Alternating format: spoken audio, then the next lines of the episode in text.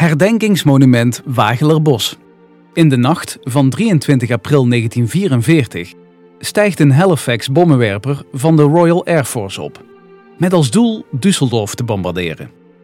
Het toestel vertrekt samen met een vloot van 596 bommenwerpers vanuit Engeland. Het bereikt echter nooit zijn doel.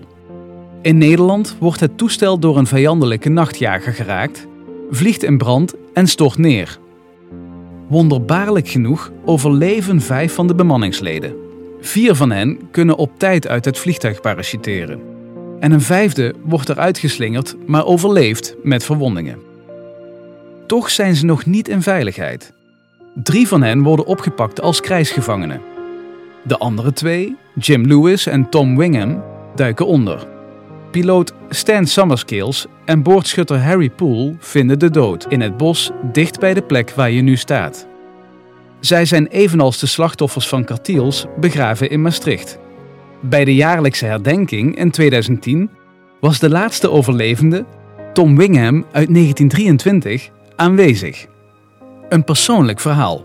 Tom Wingham diende als bommenrichter in de bemanning van de 76 Squadron Halifax die in Gulpen neerstortte. Eenmaal neergedaald in een wirwar van parachute en harnasriemen, realiseerde hij zich hoe onzeker zijn situatie was.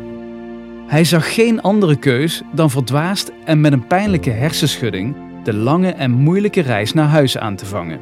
Hij navigeerde aan de hand van de sterren door het bezette gebied. Voortdurend afhankelijk van de vriendelijkheid van anderen die hun leven riskeerden om hem te verbergen.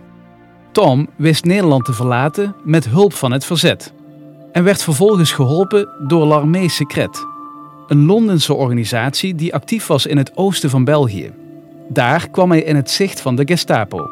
In een dodelijk spelletje van verstoppertje spelen ontweek Tom de Gestapo lang genoeg om getuige te zijn van de terugtocht van Duitse soldaten. Hij was ongeveer vijf maanden in België gedurende die periode. In de jaren 80 assisteerde Tom een Nederlandse historicus bij wat onderzoek. En dit bracht hem ertoe om de details van zijn eigen crash te onderzoeken. Wat hij ontdekte werd niet alleen meer licht op zijn eigen verhaal, maar ook op het lot van zijn medebemanningsleden. Hij ontdekte waar zijn kameraden ongeveer landden. En langzaam kwamen ook hun ongelooflijke verhalen naar voren. Tom vertelt zijn persoonlijke verhaal in zijn boek Halifax Down.